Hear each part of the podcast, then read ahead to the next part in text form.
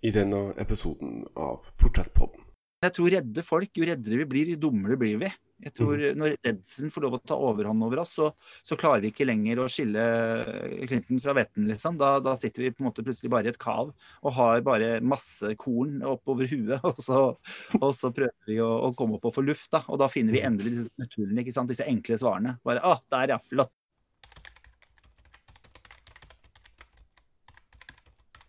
Men jeg hørte på her på Clubhouse i går som sa veldig fint at vi snakket om litt barnehager og skoler og sånn, hvor de sier ja, men i vår barnehage skal alle ha en venn. Eh, og da var det ei som sa det så fint, syns jeg, for hun sa nei, i barnehagen vår så skal alle være en venn. Og det syns jeg var litt fint. Det var på en måte, det er litt å snu, snu bare hvordan, hvordan, du, ser på, hvordan du ser på det.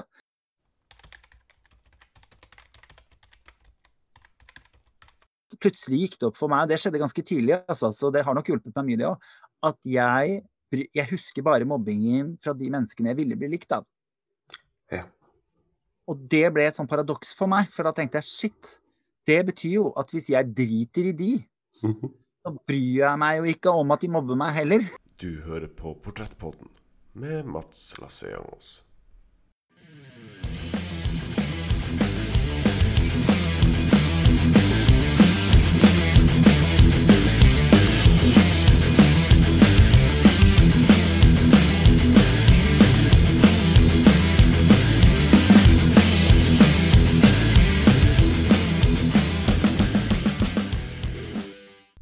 Det stemmer. Du hører på Portrettpodden. En podkast hvor jeg, Mats Lasse Jangås, intervjuer mennesker som inspirerer meg, som får meg til å tenke, og som hjelper meg å forstå mer av verden rundt meg. Min gjest i denne episoden er Tore Petterson. Han Tore er et kjent fjes for mange gjennom programmer som Sofa, Farmen kjendis og som dommer på Skal vi danse på TV 2, for å nevne noe. Han Tore har også hatt en oppvekst preget av mye mobbing, noe han bruker som bakteppe for foredraget 'Det er en gave å være annerledes', som han til daglig reiser rundt med. I sin første jobb på TV fikk han opp mot 800 drapstrusler hver dag. Hvor finner man styrken til å reise seg igjen? Hvordan påvirkes man av et slikt traume, og hvordan kan man, på tross av det som har skjedd, bruke det til å hjelpe unge i dag og bli et forbilde? Det er noe av det jeg prøver å finne ut av i løpet av denne episoden. Min takk til Tore Petterson for at han tok seg tid til å prate med meg, og at han så åpent og ærlig prater om noe av det vanskeligste han har opplevd. Det setter jeg utrolig stor pris på. Med det ønsker jeg dere riktig god fornøyelse, og her er Tore Petterson.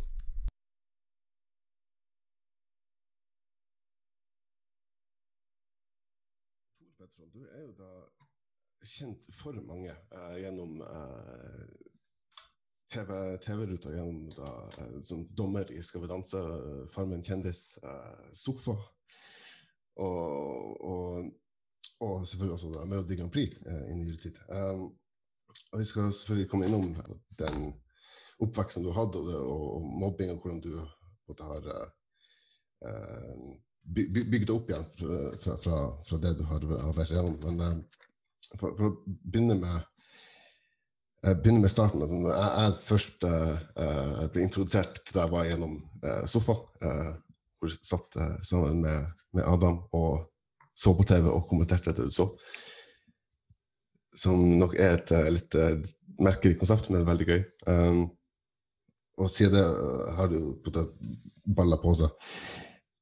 Um, føler du deg, for å starte på litt, litt uh, svulmende spørsmål, uh, føler du at den oppmerksomheten du har fått, uh, bringer mer positivt eller negativt med seg? ja, det, det, kan du si. Um, jeg opplever vel at etter hvert så har det brakt mer og mer positivt mm. Uh, med seg. Uh, jeg jobbet jo Jeg startet jo egentlig TV før Sofa, da. Jeg gjorde jo TV før det. Gjennom natt-TV. Mm -hmm. og der var vi jo oppe i mellom liksom 400 og 600 drapstrusler i døgnet. Vi var liksom de første homofile med eget, eget program om om på en måte, ja, Vi kalte det skeiv morgen og skeivt nachspiel. Mm. Eh, som gikk av morgenen. Um, og da hadde vi jo liksom vakter som måtte passe på oss, og det var mye. Så, og veldig mye hets og hat. Var liksom, for det var det første programmet med homofile programledere som snakka om homofili. Mm. Uh, så det å vært med på den reisen der og sett hvordan det forandret seg etter hvert som vi snakket, og etter hvert som de ble kjent med oss, og se på en måte at det ble litt trendy å få en homovenn etter hvert og sånn, det syns vi var veldig Det å få lov å være en del av den pakka der, er jeg veldig stolt av. Ikke så mange som veit om det, men, men, for meg så er jeg stolt av det. Og den tiden der var veldig tøff. Spytta på inne på Hense og Maurits, folk slang dritt etter meg, og det var liksom så mye, mye hat. Og jeg var livredd for å reise rundt i Norge. Jeg ville jo ikke dra noe sted, for jeg hadde jo drapstrusler fra alle små hjørner i hele, i hele landet, da. Um, så det å på en måte ha opplevd det, og så på en måte gjøre, gjøre et comeback da mange, mange år seinere uh, eh, i sofa, og på en måte få så mye fin tilbakemelding og så mye Eh, mye folk som blir inspirert av de tingene jeg snakker om, og folk som blir truffet positivt av de tingene som jeg er opptatt av. og til ja, at de ser at jeg er en hyggelig fyr og ønsker godt. da, eh, Og det får jeg mye tilbakemelding på, så jeg føler meg utrolig heldig og privilegert som kan få, få, beskjed om det hele tiden. At man mm.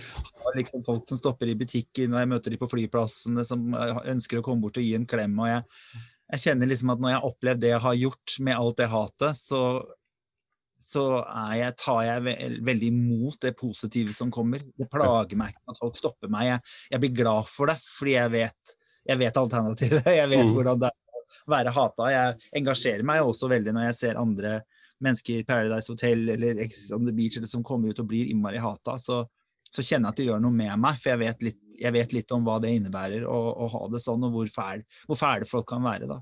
Mm.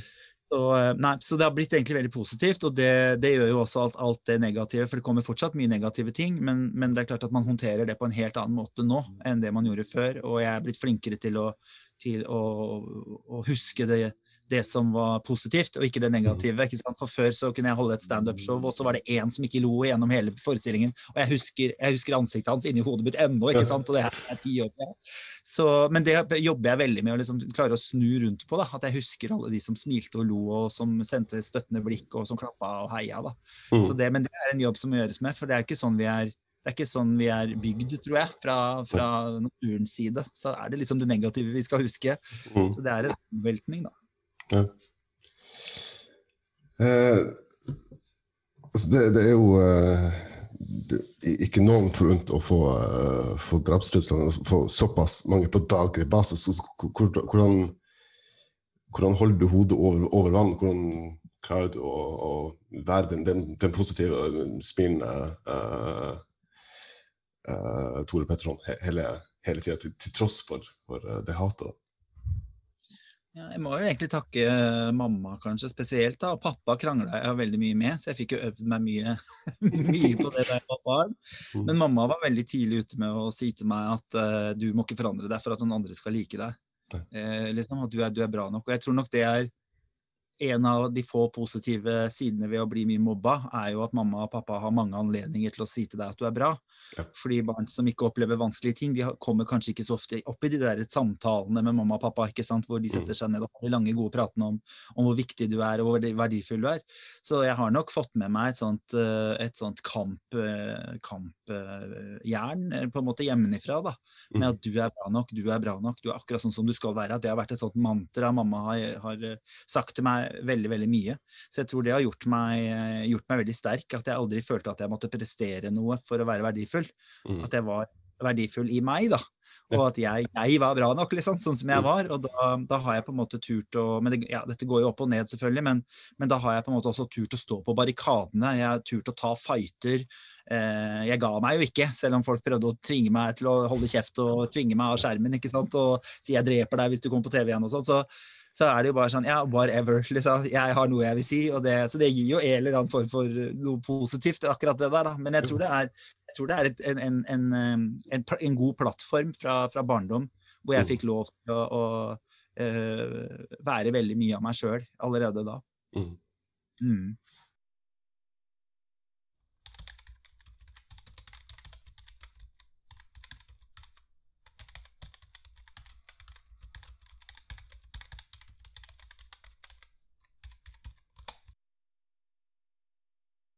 Mm. tenk på de, de to to basene, altså mobbing og, og da altså, drapstrusler, som er uh, to veldig alvorlige ting. Altså, men uh, så føler du at du uh, er nødt til å, til å, bruke stemmen din. altså uh, rett, altså nødt til å være tydelig i, i, i, det, i, det, du sier, eller er det mer sånn du blir nummen etter hvert?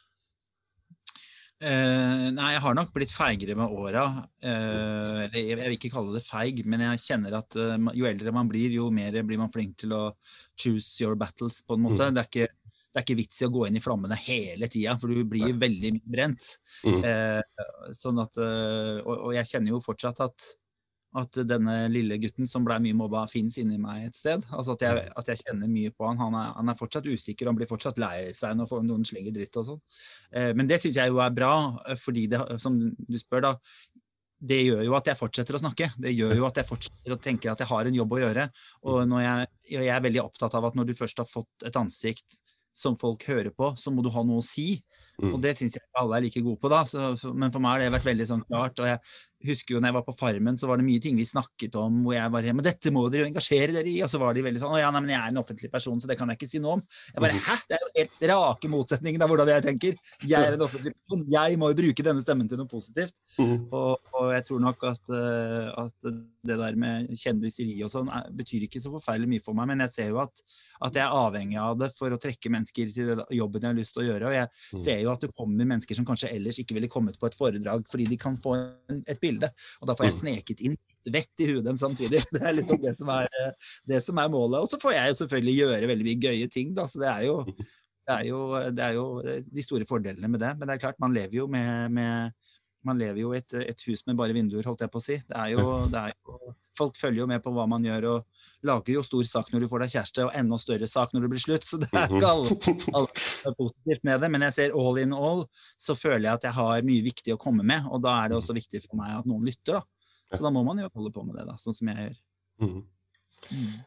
Du nevnte jo innledningsvis at uh, den, den overveldende negative reaksjonen du fikk på, på, på Mest TV, og kontra uh, hvordan det var på, på sofa. Den, den, den, så, I hvert fall uh, mer positive uh, varianten. Altså, hvordan, hvordan, ser du på den, den kontrasten? Hvordan ser du at så, Går vi i riktig retning hva gjelder inkludering for, for alle mennesker? Uh, nå svarer jeg som en politiker ja og nei. uh, vi, vi, går mye, mye har blitt veldig veldig bra. Altså, det, er jo, det, er jo, noen sånne ting som er blitt satt i stein nå. ikke sant? Mm. Det er sånn, nå er jo greit, liksom. Det er noen få unntak. Mm. Uh, men klart, hvis du ser at på samfunnet så blir det jo mer og mer polarisert. Vi, jo, vi jo, vokser jo lenger og lenger fra hverandre meningsmessig. Det er jo få vennskap med en fra SV og en fra Frp. Det skjedde jo på 90-tallet. Mm. Jeg bodde i kollektiv med fire stykker fra Frp. Eh, politisk enige var vi ikke, men vi, men vi respekterte jo at vi var, var, forskjellige. Det mm. kjenner jeg jo på er vanskeligere nå, og fordi ting også har blitt mye mer ekstremt, og jeg ser hva det tar med seg, ikke sant, å ha, mm. ha de meningene. Um, at det på en måte legger et grunnlag for at det er greit for andre også å, å, snakke på den måten som politikerne våre gjør. Så det er klart, det, det er uh, Så der syns jeg vi går Har vi tatt noen skikkelige steg tilbake igjen, liksom tilbake til, til, uh, til nasjonalisme og, og, tidlig SP, ikke sant. Så, mm. Men, men, uh, men, det er klart at vi har fått, vi har, vi har fått noen sånne som jeg sier da, sånne ting som er satt i stein. Noe sånt mm. som er sånn å, Homo er jo greit, selvfølgelig skal de gifte seg i kirken. Og så kvinnelige prester. Det er, det er, noen sånne greier nå som, som mm. jeg tror det har vært veldig vanskelig å snu på. fordi at det er ingen som reagerer på det lenger. Vi blunker jo ikke engang når du kommer inn i en kirke og du ser at det er en kvinnelig prest. tenker du å hei, liksom som om det ja, skulle vært en mann da, for 70 år siden. Så det, det, det synes jeg er, er, er, veldig fint. Så det er mye, mye bra som har skjedd, syns jeg. Men vi mm. har et sted å gå. fordi jeg opplever at, eh, at eh, redde mennesker um, Jeg syns det var så fint jeg, jeg, var veldig glad i Skam, da. Syns det var veldig, veldig bra.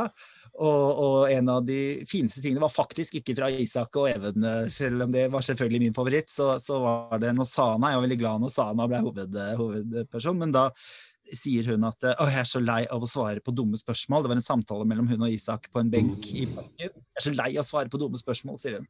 Um, og så Selvfølgelig velger jeg å gå med hijab selv, selvfølgelig eh, skal jeg ikke giftes bort, selvfølgelig. ikke sant? Mm. Som var sånn sørge for henne. Og da sier Isak så fint at vi må aldri slutte å svare på dumme spørsmål. Fordi at når dumme spørsmål ikke får ordentlige svar, så begynner folk å finne svarene sine selv.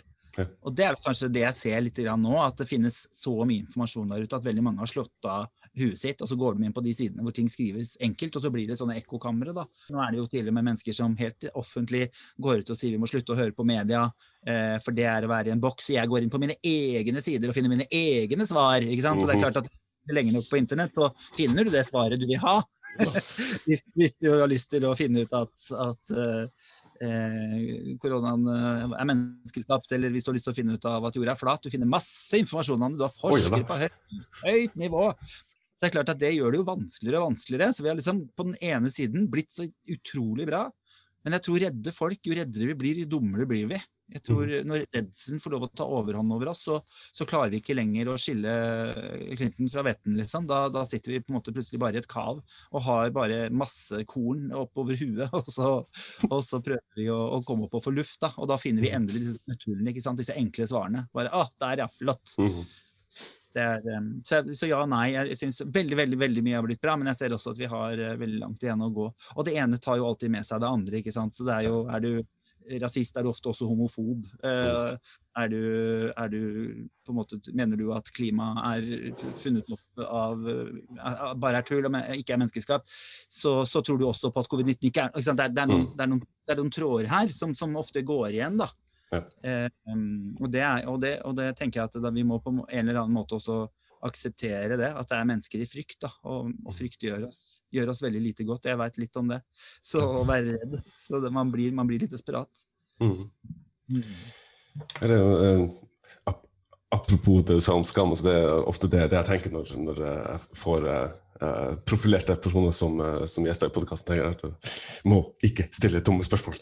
Men eh, Jeg gode spørsmål er veldig bra, for det er det de fleste sitter hjemme og har lyst til å høre på. og på, eh, ja, jeg var på Clubhouse her om dagen. Hadde de plutselig et rom om sånn, hvordan homofile sex? Så tenkte jeg gud bevare meg hver, der, dette er noe å ha et rom om. Men så tenkte jeg ja, ja, jeg orka ikke å være der jeg, men, men, eh, men hvis folk lurer på masse ting rundt det, så tenker jeg det er veldig fint å få bort en del av de, så ikke folk tenker liksom han har så mye lære og enorme dildoer hjemme.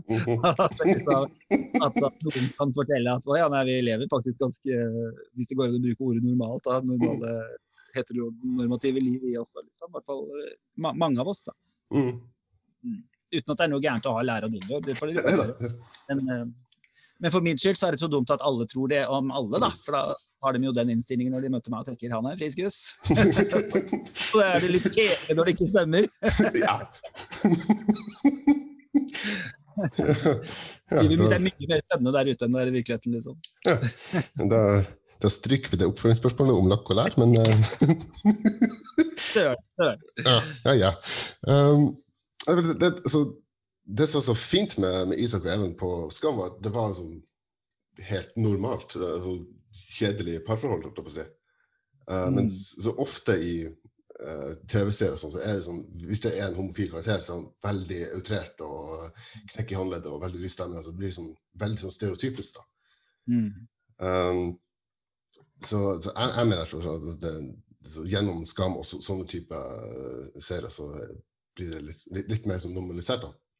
Det er klart at det å være skrull og tøys og tull, det er jo som vi på fagspråket kaller for vernskjold. da. Eh, Det er jo alt det der vi setter opp, det skjoldet vi setter opp for å slippe, å slippe mennesker inn i alt det som er vondt. Og jeg tror nok mange homofile har, eh, har hatt eh, Jeg jeg tenker liksom når et menneske er villig til å fortelle verden noe som i veldig mange land faktisk kan ta livet av deg, altså at det er så viktig for deg å fortelle på det. Vi har gått, vi har gått noen runder som, som heterofile slipper, da, med oss sjøl.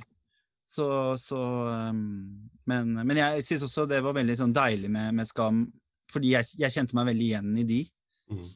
Ikke sant? Jeg også har, jeg har, har et behov, eller ønsker å leve monogamt, og, og jeg husker den første forelskelsen. Nå var jeg ikke så heldig som de og fant noen, fant noen på skolen da, eh, som også var homofile. Men, men eh, det, det var jo på en måte, det, det er jo den drømmen jeg har hatt Mhm. i hele mitt liv, å finne den forelskelsen som de finner der. Mhm. Så det, det greip meg veldig, og jeg tenker det er veldig fint for andre å se også at, at de du ikke ser på TV, de som ikke løper rundt og skruller og tøyser og sånne ting, eh, de fins de også. Og jeg tror opplever også i min vennegjeng og sånn, at jo eldre vi blir, jo tryggere vi blir på oss sjøl, jo mindre skruller vi. Så jeg mm. tenker jo det er jo et verneskjold. Jeg jo, hadde jo grønne dreads, musefletter og eh, ikke sant? masse kjettinger og hundebånd og sminke og perler i ansiktet og høye platåsko på 90-tallet. Det også var jo et skjold, ikke sant. Det var jo Jeg visste jo at inni her så er jeg jo Jeg visste hvem jeg var, og det er et eller annet med å det er et eller annet med at man tåler liksom litt mer å bli spytta på når man har på seg full rustning. Mm. For da treffer det rustningen og ikke meg. Mens nå som jeg er blitt voksen, så er jeg nok blitt sårere fordi jeg står mye mer uh, naken, da, på en måte. Mm. Hvis du skjønner hvor jeg vil med det. Jo da. Det blir mer personlig, for nå er jeg meg. mm. Og jeg tror at mennesker må få lov til å være der. Det er det samme som å være sånn macho-fyr og rappe og gå med caps og røyke joint. Også, mm. Det også er et skjold. Det er jo en, en, for å tilhøre en gjeng, for å kjenne at man tilhører noe, er en del av noe. Så jeg blir på en måte alle de egenskapene du har, eller de egenskapene du ønsket du hadde, veldig forsterket. Mm -hmm. Og så møter man jo folk som Markuel Safadi, ikke sant? som bare er verdens mildeste og nydeligste, nydeligste person, men som var mhm. skikkelig getto en gang i tida. Og det skjer når vi blir trygge. Det er det det handler om. Mm. Derfor er jeg jo veldig opptatt av å skape trygghet for unge. da, og Det er det foredraget mitt også handler om. Det der med å skape trygghet og verdi i mhm. tidlig alder. For jeg har sett hva det har gjort med meg, og jeg ser hva det gjør med de menneskene jeg jobber med. og, og og det er spennende med det yrket jeg har med foredrag, og det at jeg reiser rundt på mye, mye arrangementer om psykisk helse, så møter jeg jo folk som brenner for det. Jeg har jo verdens gøyeste jobb, for jeg møter bare sånn psykonerder, liksom. Så vi kan sitte i sju timer og prate om uh, hva skjer med huet, og hvordan opplevde vi det, og hvordan var det. og så jeg har jo blitt jævla mye smartere ikke sant? På, på de fire åra jeg har reist rundt. Fordi, eller smartere, jeg har bare, jeg bare føler meg så mye mer opplyst om at det fins flere sider av en ting. Og, mm -hmm. og, ser noen røde tråder her og der, da. Du hører på Portrettpodden med Mats Lasseangos.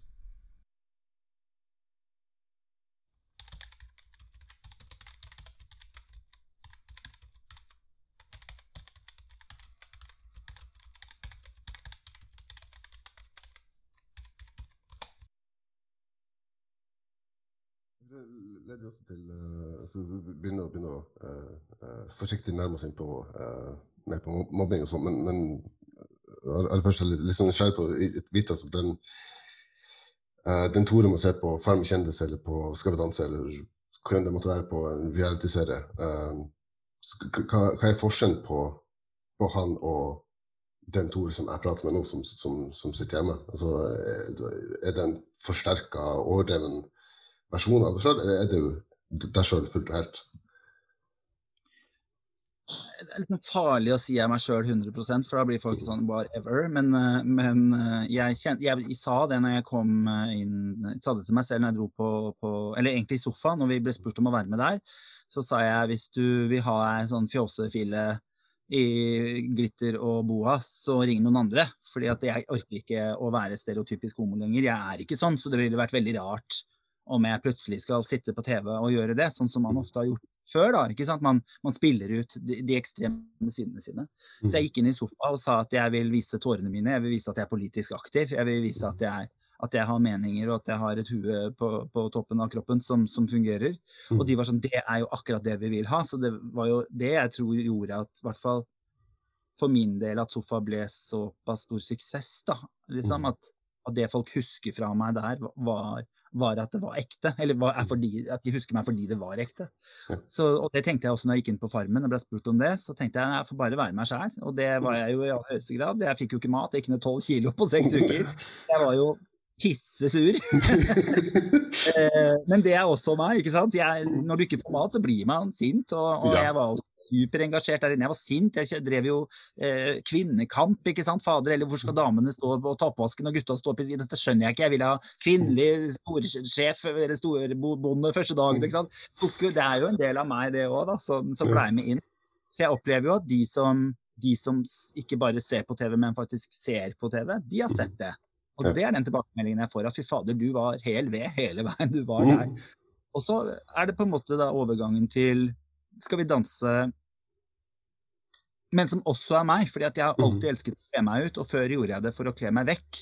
Altså for å skjule, skjule, meg og for å beskytte meg. Mens nå kan jeg liksom gå tilbake igjen og kle meg ut, for det er det gøyeste jeg veit om i hele verden. Mhm. Men jeg kan gjøre det som meg. Nå kan jeg gjøre det som det mennesket jeg er. Og det håper jeg jo at folk også får et inntrykk av. At jeg, at jeg satt der med hele hjertet mitt i handa liksom, og ønsket Mhm. dem godt. Og, og var, var meg sjøl, bare med litt mer fjær og pynt og, og, og gøy. Og utspilte en annen side av meg, for jeg elsker å sitte og lime og sy og, og fikse og ikke sant. å, det å få min egen arena hvor jeg kan få lov å gjøre det, er jo helt fantastisk. For en drøm å få som 40-åring, liksom. Så får du plutselig lov til å, å være den skrulla du har lyst til, når det passer meg, da. Ja. Uten at jeg skal definere meg som ei skrulle på heltid. Ja. Mm. Må kanskje være litt, litt, litt forsiktig med, med limpistolen av og til, men uh, Ja, jeg har skada meg hardt. Og det var jo også helt bare en artig liten digresjon. fordi det var ikke jeg som lagde den saken holdt jeg på å si, om at jeg hadde skada handa. Det ble på en måte en sak, fordi det ble snakket om på sending. Og da husker jeg gikk gjennom eh, Instagram sånne stories, og da var det liksom Tore hardt skadet etter uh, limpishistorie. Og så var det på intervju med Kristine Koht på neste klikk, liksom. Jeg bare Det her orker jeg ikke! Det her er så grusomt! Dette handa her er ikke noe problem. Men vi tøysa mye med det når vi hadde pod, da, at jeg skulle begynne med sånne foredrag og sånn om det. da. At jeg hadde forbrent handa mi, liksom. Tore brannskada, liksom. Jeg lager et foredrag om alt, jeg. Mm.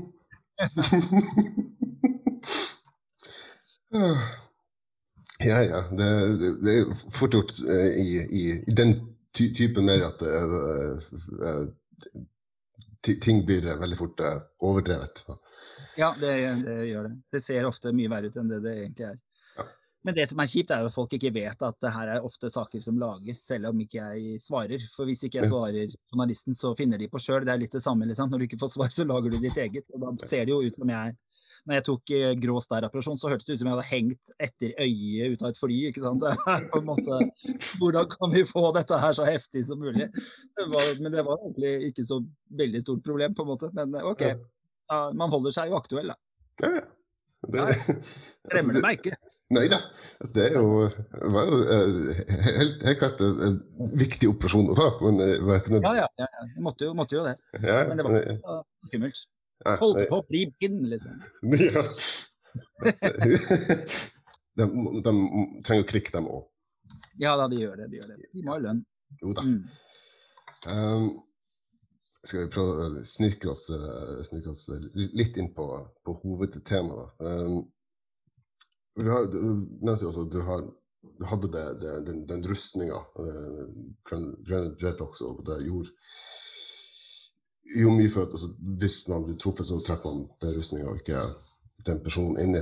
Um, og eh, så vidt jeg det har forstått, så første gang du prata offentlig om, om mobbing altså på, på TV, var på sofa. Mm. Um, altså, først og fremst, hvor- hvor- hvordan, hvordan kom du fram til, til den avgjørelsen? Det, det kan ikke ha vært lett, innbiller meg. Nei, det kom egentlig litt overraskende på, for jeg hadde jo aldri fortalt til noen at jeg hadde blitt mobba. Det var på en måte et godt Og det handler jo om at eh, et eller annet sted på veien så har noen fått meg til å tro at mobbingen var min skyld. Mm. Og det ble en sånn aha-opplevelse for meg. At jeg bare Fy fader, jeg går jo og skammer meg over noe. Jeg går jo og skammer meg over noe noen andre på en måte har pålagt meg. At det er, det er ikke jeg som det er, det jo aldri mobbeofferet som er skylda, på en måte, men det har jeg gått og følt på i 30 år. da, ikke sant? Over 30 år. Og så kommer det et program om mobbing um, hvor det går over 80 mennesker forbi Uh, uten at noen griper inn. Det, handler, det var sånn Hvem bryr seg? Så da skal man se Man setter opp mennesker i vanskelige livssituasjoner, og så skal man se hva gjør de rundt. da. Og så la jeg merke til liksom at, at barn, altså de med barnevogn egentlig det jeg reagerte mest på, tror jeg. De med barnevogn gikk forbi, som kan ha, de, de, kan ha barn i samme problem selv, da, om 13-14-15 år. ikke sant? Gå rett forbi og ikke, ikke griper inn. Så tenkte jeg fader eller hva slags verden er det vi ønsker å ha? Mm. Eh, Men det er jeg jo vant til. Jeg er vant til at ingen, ingen greip inn. Jeg er vant til at jeg måtte stå aleine med det. Eh, Så det var jo Det var sånn, ja ja, hva, dette visste jeg jo, liksom. Men, men så kommer det to menn etter hvert. En som sykler, en som går, som griper inn. Eh, og det har jeg ikke opplevd før. Så det knakk meg fullstendig sammen. Og, eh, og jeg grein, og jeg grein, og jeg grein, og jeg grein. Og jeg grein. Uh, og Adam hater jo følelser, så det var ikke hans kveld, for å si det sånn. Uh, men jeg bare kjente at jeg um, At det var litt sånn deilig å få bare tømt ut det. Fordi mm. hele mobbehistorien min kom opp igjen. liksom. Det var helt, uh, og vi, vi, spilte jo inn fire timer to ganger i uka. Mm. Og jeg brukte to og en halv time på dette ene programmet. vi så jo ofte ti minutter og sånn. Så det ble jo veldig lenge. Men da fortalte jeg på en måte hele min, hele min mobbehistorie for første gang. Og, og kjente at det var veldig Det var liksom godt. Selv om det var veldig vondt, så var det veldig godt. Og så syns jeg, for han som klippa det, fikk jeg vite etterpå Jeg fikk snakket med han som hadde klippa det programmet. Og han kom bort og fortalte meg at han også hadde blitt mobba. da. Han kjente igjen min historie. Så han sa jeg har aldri brukt så mye tid på å klippe noe i hele mitt liv. Mm. Jeg reagerte på det når jeg så det, og så tenkte jeg fy fader, her traff dem, liksom. Jeg bare, så fikk de sagt alt jeg ville si på under 30 sekunder. Det var helt rått, liksom. Men han bare, jeg kjente det så igjen. da, det var så, For han, det var hans historie. Så da så når jeg gikk på TV, så begynte jeg å få masse masse, masse meldinger eh, fra folk. Og det som overrasket meg, var jo at det var så mange unge Mm. som sendte meldinger. For det, jeg trodde liksom at skolene hadde helt andre verktøy nå. At det her tar de jo. ikke sant? Jeg hadde jo, mm. jeg reiste mye rundt på skoler og holdt foredrag da jeg var yngre. Begynte sånn da jeg var rundt 20-21. Jeg holdt på i åtte år med det, og så, og så tenkte jeg at, uh, at, nå trenger jeg ikke det mer. Nå er homo greit, og legning er greit, og nå snakker du om kjønn, og det er bra. Mm. Plutselig opplever jeg at det er masse masse, masse, folk der ute som, som, fortsatt opplever å ha det sånn som meg. Og, og 14-15-åringer som sier akkurat sånn som du har det, har jeg det òg. Så tenkte jeg det her er jo veldig, veldig veldig rart. Så, um, så det var der egentlig foredragene mine starta igjen. At jeg kjente et behov for å, å, gå ut og fortelle min historie. Og se om man kan gjøre en forskjell. Da. For jeg tenker uh, jeg har um, Nå har jeg både navnet og trynet, holdt jeg på å si, og jeg har noe jeg har lyst til å si. Og jeg tror at det å høre det fra Det å høre en lærer stå og si at dere må ikke mobbe, liksom, og det å høre noen har opplevd det sjøl, er ganske stor forskjell. da, At, vi, at, det, at det, kommer fra et riktigere sted. Mm. Så, så, da starta jeg, og det, det har vært uh, ba, bare en, en, kjempeopptur helt inntil 12.3.2020. Har det vært, uh, vært helt nydelig så givende og så bra, og så mange jeg fortsatt får oppdateringer og meldinger ifra som sier at de, de tok ikke livet av seg likevel, men de har det fint og kanskje har flyttet og fått seg jobb eller fått seg kjæreste. Eller. Så jeg er veldig takknemlig for det. da. Ja. Mm. Jeg lenge hatt, lyst til å ha deg med som, som gjest i podkasten. Eh, ikke, bare, ikke, bare pga. mobbinga, selvfølgelig, men, uh, men, det var også veldig inspirerende å se det på, på TV. fordi altså, jeg har også blitt, blitt mobba masse i barne- og ungdomsskolen. Det, det å se at en altså, kjendis, om hun eh, tillater det, det er så, såpass åpen om noe som bare jeg går gjennom, det, de, de, hjelper veldig på, da. Um, og som også innom tidligere, så, så føler du sjøl at du uh, ville hatt like stor effekt med det foredraget om du ikke var uh, uh, Tore Petterson som alle kjenner fra TV. Hvis det bare var normalt fyr. Ikke i så stort omfang. Jeg kan nok se for meg at jeg har nok nådd ut til flere mennesker. Uh, men jeg har som sagt holdt på med foredrag før og, og, var jo mye på skoler rundt omkring. Og traff jo mye mennesker der også. Jeg, og, og omdømme på en måte, og tilbakemeldingene jeg har fått fra de elevene som gikk i de klassene. For nå har jo de blitt voksne folk. Mange av mm. dem er jo, er jo 30-35 år nå. Mm -hmm. Så jeg har jo fått mye tilbakemelding fra de at de har syntes at det var veldig fint. Men det er klart at det å, det å, ha gjort de tingene jeg har gjort, og vært med på det jeg har gjort, gjør at man får en kjempe, kjempefordel. Da. Uh, uten tvil. Mm. Um, og, og jeg, det er litt som du sier, tror jeg, at det er litt deilig når du får høre at noen, at noen har, har fått til drømmene sine uh, på tross av de tingene man har opplevd. ikke sant? Og det er jo, Nå jobber jeg jo veldig mye mot at, at vi skal få huket bort dette så tidlig som mulig, sånn at man slipper å ha det min historie. Eh, for det er mange som har sagt til meg at jo, jo, du hadde jo ikke vært der hvis ikke du hadde vært gjennom det du hadde gjort. Så tenker jeg sånn, nei, men jeg tror jeg hadde fått gjort enda mer hvis jeg ikke hadde hatt så mye drit. da, fordi mm. det er klart at det at folk går og forteller deg at du ikke er bra nok, og folk forteller deg at du er stygg og jævlig, det blir jo en stemme som etter hvert kopieres av, av et eller annet inni meg som går og, og snakker til meg hele tiden. så jeg jeg har egentlig hatt litt sånn i det siste gått og tenkt mye på det. da, Hvordan ville livet mitt vært uten all den mobbingen? For jeg vil liksom ikke at det skal jeg vil ikke at det skal være sånn jo, men tenk så fint menneske du blei av det. For da, da, blir det på en måte noe man ønsker å oppleve. Og det tenker jeg at det er faen meg tøft nok. Jeg tror jeg, tror, jeg, tror jeg kunne opplevd og vært, vært, den samme personen. Og det handler jo om oppdragelse. Det handler jo om at jeg kommer fra et sted hvor de var opptatt av at, at jeg hadde verdi, at jeg Mm. var viktig, at de var glad i meg, og at jeg kunne få til, få til ting hvis jeg hadde lyst, og, hvis jeg, hvis jeg, og at de backa meg når jeg sa 'jeg vil danse', og så dansa jeg jo i mange, mange, mange, mange år. Mm. Um, det at de betalte de sure pengene, det kosta jo her en fløtte meg. Det er luksus, uh, luksus, og jeg kommer ikke fra en familie med masse masse penger. Uh, men, men de gjorde det, og de backa, og de stilte opp helg etter helg på konkurransen. Jeg, jeg har et grunnlag, så jeg tror på en måte at, at eh, ja, det er mulig jeg har fått noen, noen eh, fordeler, men jeg har faen meg fått mye mer ulemper. Og mye mer stygge tanker og stygge ting jeg går og sier til meg sjøl pga. den mobbingen. da. Mm. Så jeg syns ikke det er noen sånn unnskyldning for at det skal være greit å ha det litt tøft. Nei. Det er litt sånn eh, Det syns jeg blir litt sånn gærent. Men, eh, men jeg håper og tror at jeg kunne blitt det mennesket jeg er i dag uten, uten det, bare en, med en god oppdragelse og, og masse, masse troen på meg sjæl. Ja. At jeg har hatt folk som har backa meg og støtta meg. ikke sant?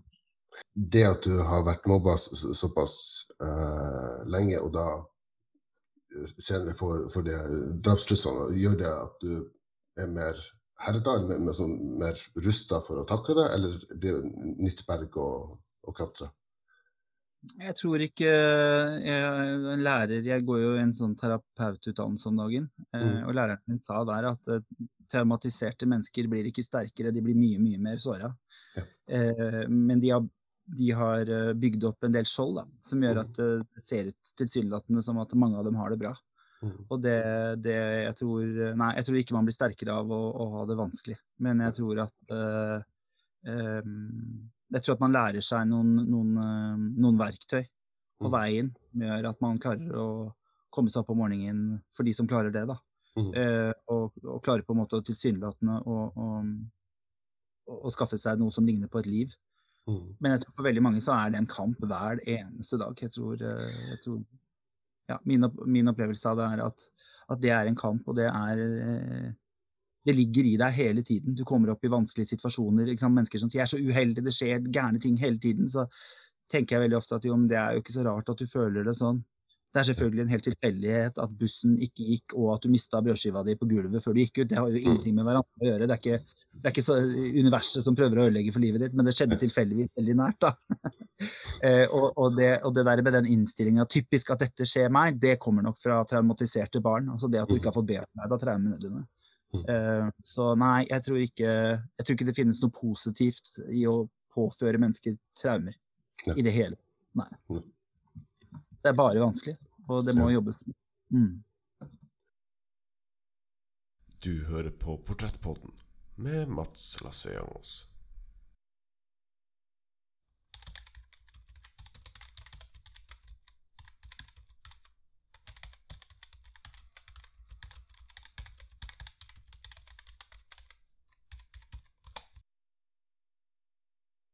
Lov å, å, å eh, be deg om å fortelle litt om hva, altså, din historie? Mm. Det kan jeg godt. Mm. Ehm, jeg vokste opp med to søstre uh, og en mamma og en pappa. Søstrene mine var nok ikke så veldig gira på å få en lillebror. Uh, jeg kom litt sånn etterpå, fem år etterpå. Uh, så jeg kjenner jo på en måte at jeg kom inn i denne verden for å lage god stemning.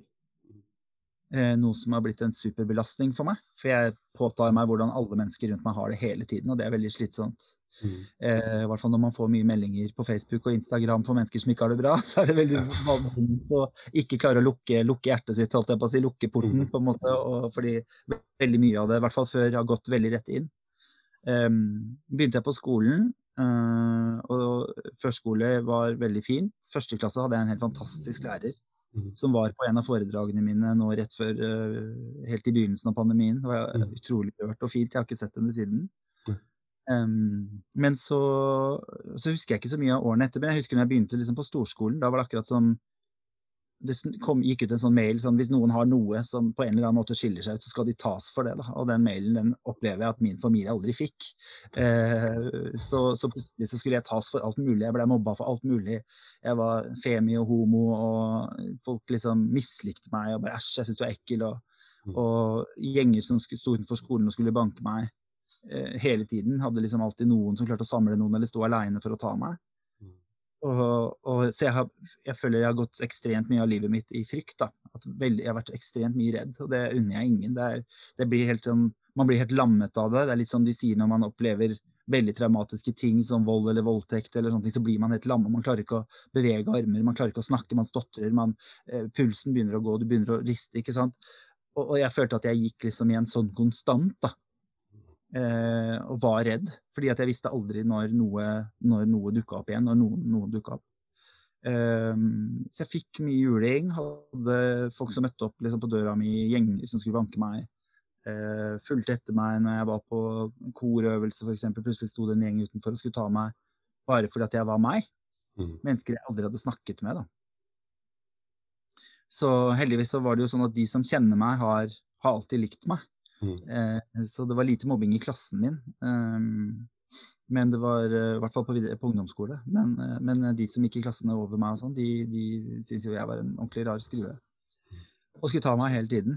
Um, og jeg har jo liksom sett senere da, at, at, han ene som mobbet meg mye, kom fra Bærum og snakket veldig pent, hadde fine klær, så han ble mobbet for å være homo. Derfor så han skulle få det over på noen andre, så var det meg han valgte, ikke sant. Uh, så det er jo sånne ting man lærer seg med når man er voksen, men når du lever i det som barn.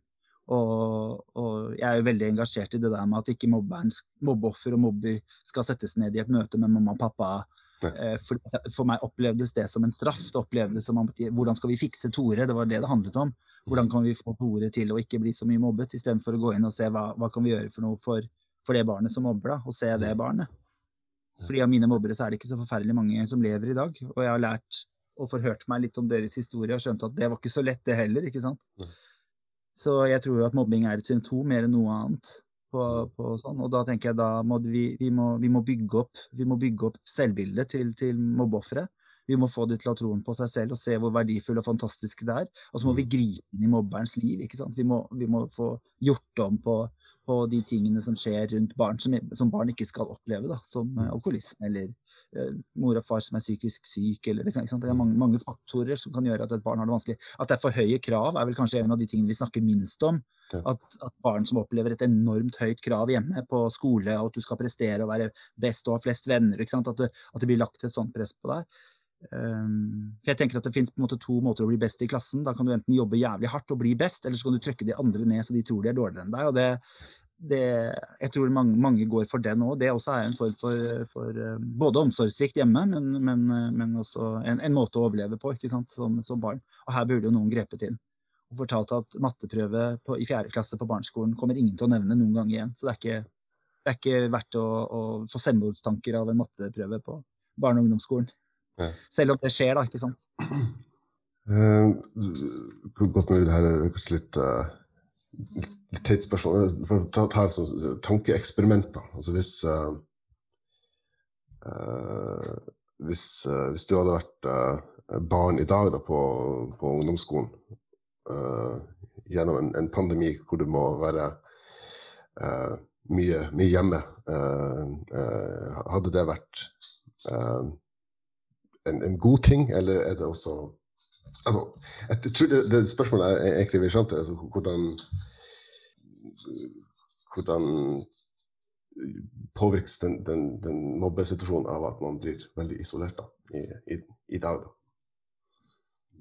Jeg tror for min del så ville det vært en super befrielse. Jeg hata mm. å gå på skolen. Ja. Eh, jeg ville synes at det var eh, så deilig å slippe å forholde seg til ensomheten. Mm. Det med å ikke ha venner, ikke sant. Det med å ikke ha, ha liksom noen å henge med, og nå, nå gjelder det alle, liksom. Og, og, jeg ser jo noen kommentere det av og til, at de gruer seg til pandemien er over, for da går alle tilbake til sine sosiale og fine liv. Ja. Mens de fortsatt sitter der uten noen, ikke sant? Fordi at de har ikke, de har ikke hatt noen. da. Men jeg hørte på her på Clubhouse i går som sa veldig fint at vi snakket om litt barnehager og skoler og sånn, hvor de sier ja, men i vår barnehage skal alle ha en venn. Eh, og da var det ei som sa det så fint, syns jeg, for hun sa nei, i barnehagen vår så skal alle være en venn. Og det syns jeg var litt fint. Det var på en måte, det er litt å snu, snu bare hvordan, hvordan, du, ser på, hvordan du ser på det. Mm. At, eh, at, hvordan er du som menneske, hva, hva, kan jeg gjøre for å, å være den gode vennen? Mhm. Eh, og, og legge mer fokus på det, da, enn at eh, andre mennesker skal på en måte godta det uansett. At det ikke skal legges noe krav til barn. For jeg tror at barn som blir pålagt krav og regler, er veldig trygge barn. At det finnes, at det finnes um, en, en, trygghet i å vite hva man skal, når man skal det, hvordan man skal oppføre seg. Eh, vi skal jo som voksne lære barn hvordan de skal bli gode voksne. Mm. Og da må det være en del av pakka. At vi ikke lager et skolesystem som er helt annerledes enn det livet vi kommer til å få. da.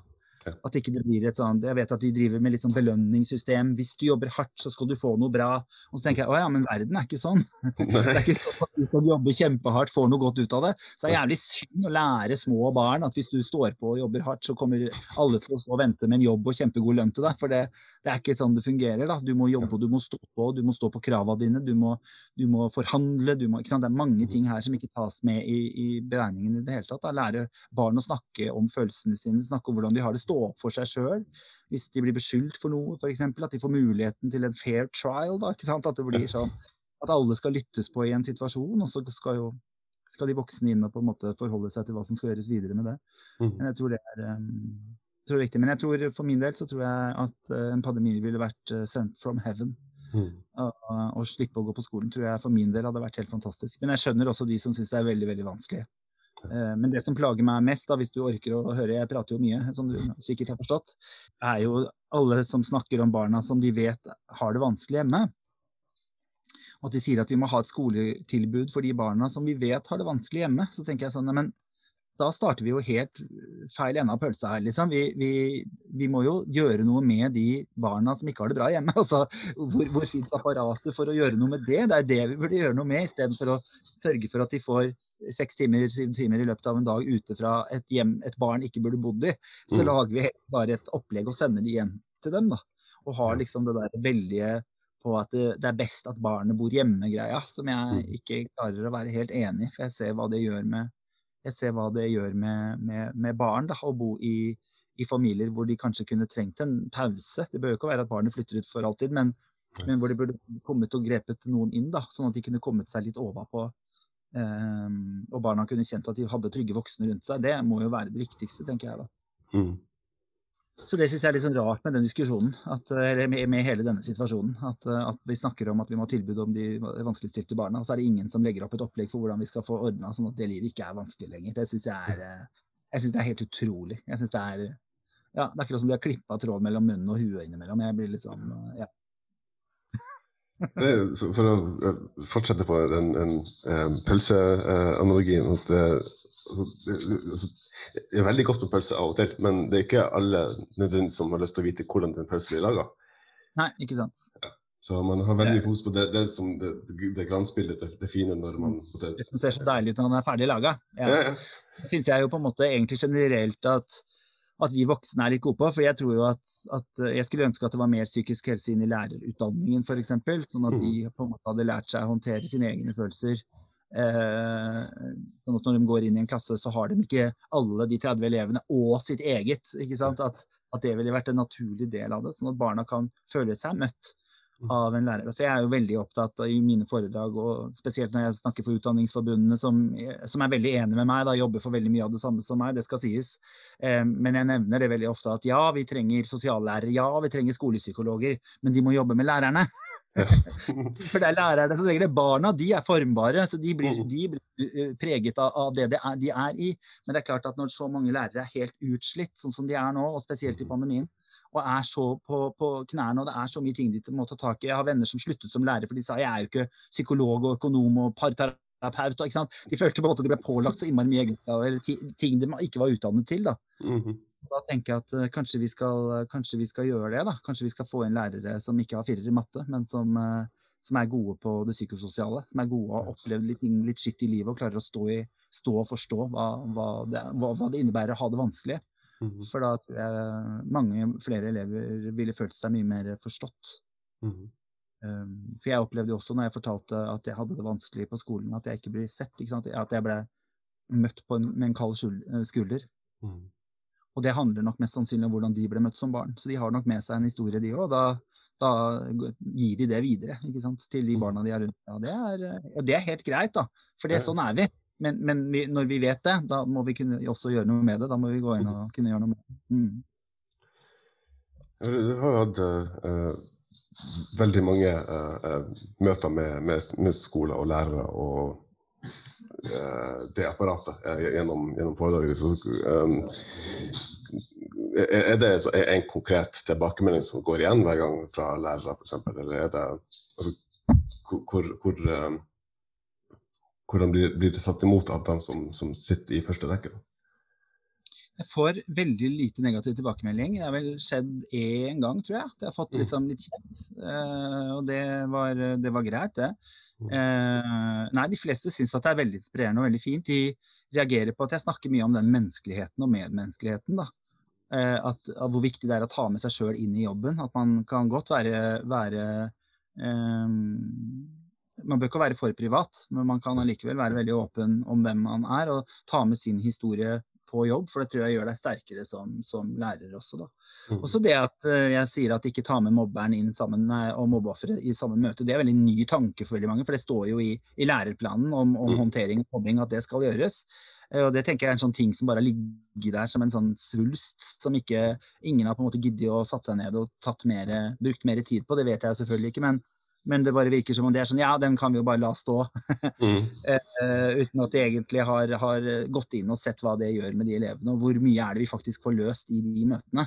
Mm. Um, for min opplevelse er at det er veldig lite.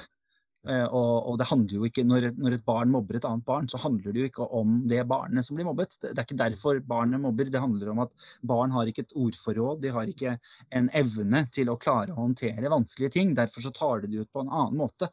Og mm. her finnes det jo kjempegode terapeuter og psykologer som er gode på atferd, og som klarer å se hva dette her handler om. Og det tenker jeg, burde ikke de som jobber nærmest barna ha litt informasjon om dette?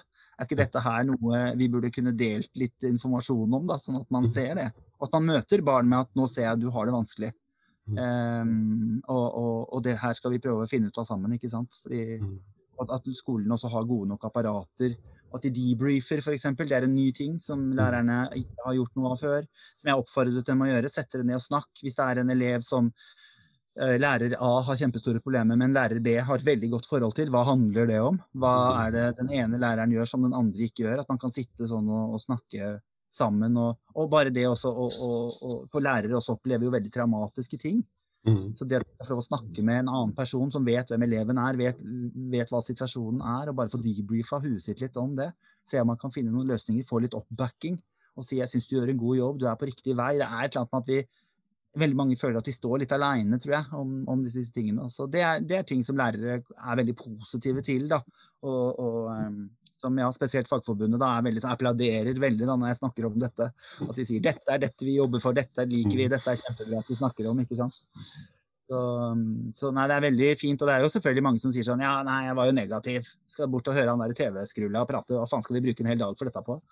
Eh, men så har de kommet bort etterpå og vært sånn Shit, shit, shit. Jeg ante ikke, Tore. Sorry at jeg var så negativ. Fordi dette var noe helt annet enn det jeg trodde det skulle være.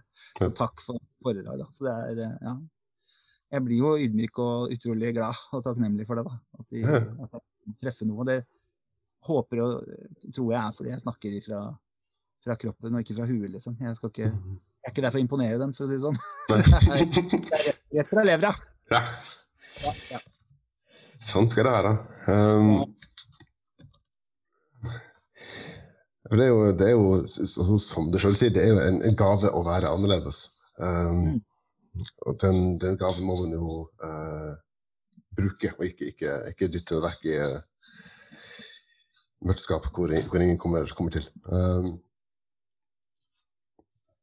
uh, prøv, prøv, å begynne å uh, runde av her snart, men um, om noe, hva er det du har tatt med deg fra, fra den, altså de opplevelsene som du kan bruke til, til noe positivt i dag? For, for din egen del?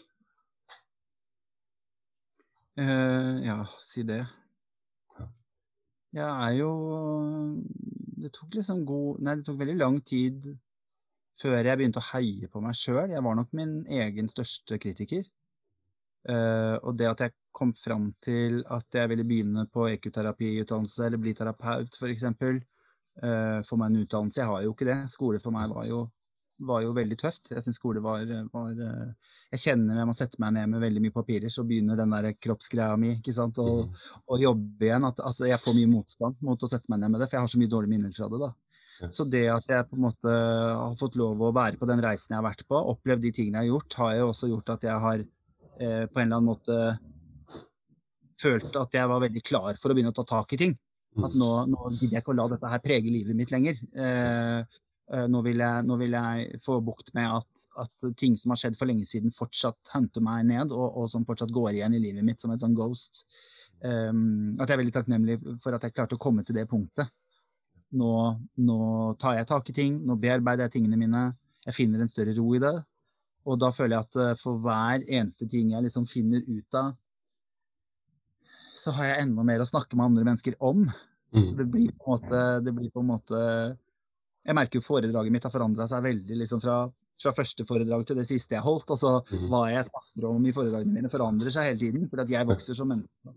Så Det er vel det jeg er mest eh, takknemlig for. At jeg har klart å komme meg til, til et sted hvor jeg ser at, eh, at jeg, trenger, eh, jeg trenger å ta tak i tingene mine. Jeg trenger å lære, lære å håndtere følelsene mine. Ikke, ikke smøre på meg et smil og late som om alt er bra. og løpe rundt og sørge for at alle skal ha det bra hele tiden, som har blitt liksom min livsoppgave da, Mm. eh, fra, fra barndommen av. At, at jeg er så redd for sinne, jeg er så redd for, for eh, folk er sure, og jeg, tar det, jeg tror det er meg med en gang. Mm. Og det å, kunne ha lært meg det nå, da. At uh, det handler om, om en rolle jeg har hatt tidligere, og det, det ligger dypt magnifisert i, i kroppen min, men, men at det går an å gjøre noe med det. Og at jeg nå kan si ja til meg sjæl isteden. Nå setter jeg meg først. Og da plutselig syns jo folk jeg er mye lettere å ha med å gjøre, selv om noen ikke liker det. Så, så er det jo veldig mye der med mennesker som snakker og sier sånn Nei, det har jeg ikke lyst til i dag, eller Mm. Og lar mennesker ta ansvar for sitt eget. Jeg kan jo hvis jeg arrangerer en fest og det sitter to som jeg tror ikke koste seg, så kan jeg bruke en, flere uker på å bekymre meg over hva jeg kunne gjort annerledes. ikke sant? For at de skulle ha det bra. Det er dritet med å ta ansvar for at alle skal ha det bra hele tiden, er at du også tar ansvar når det ikke går bra. Og det må, det må vi slutte med. For det er ikke vårt ansvar, det er eh, hvert enkelt menneske ansvar for, for sin glede og sin greie. Og det. Men det tok meg lang tid. Det satt langt inne hos meg. Altså. Jeg hadde nok ikke kommet dit hvis jeg ikke har vært gjennom de reisene som jeg har vært i livet mitt fram til nå. Så hadde jeg ikke vært klar for det, men nå er jeg, jeg er helt overmoden for å bare kvitte meg med gammelt søppel. Mm. Og, mm. Det, altså, det er jo kan være kan, prate for, for min egen del, men det kan være vanskelig når man står i en sånn eh, mobbesituasjon og tenker at det, altså, det kommer til å bli bedre når jeg blir voksen. Og eh, kanskje ikke alltid like lett å, å finne de, de rollemodellene og de, de, de forbildene da, når man, når man står midt i det. Men eh, eh, hvordan er ditt forhold til altså, hva, føler du om, om å være eh, et forbilde for, eh, for de unge i, i dag?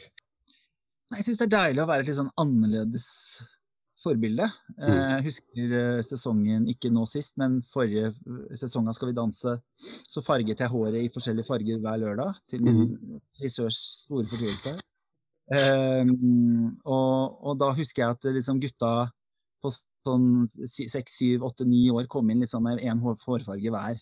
Og Mhm. hadde sløyfe på seg og briller. Og det er liksom Jeg veit ikke, jeg, jeg, jeg syns det er så godt å kunne gi de et annet forbilde som ikke rapper om hoes og tits og pussy, Mhm. liksom. Eller, eller uh, mobber, da, som jeg også opplever veldig mange uh, veldig mange av disse kjente fjesene, håndballspillere og fotballspillere, som, som gjør så mye drit at det er, liksom, det, det er greit å snakke dritt, og det er greit å sitte og kritisere, og det er greit å Så jeg syns det er deilig å være, være et sånt forbilde, på en måte. Eh, og, og, men i forhold til det jeg trodde du skulle spørre meg om nå, som da spørsmålet ble annerledes, men da svarer jeg det likevel, for jeg svarer jo ikke på spørsmålet ditt. Eh, snakker om det jeg vil, jeg.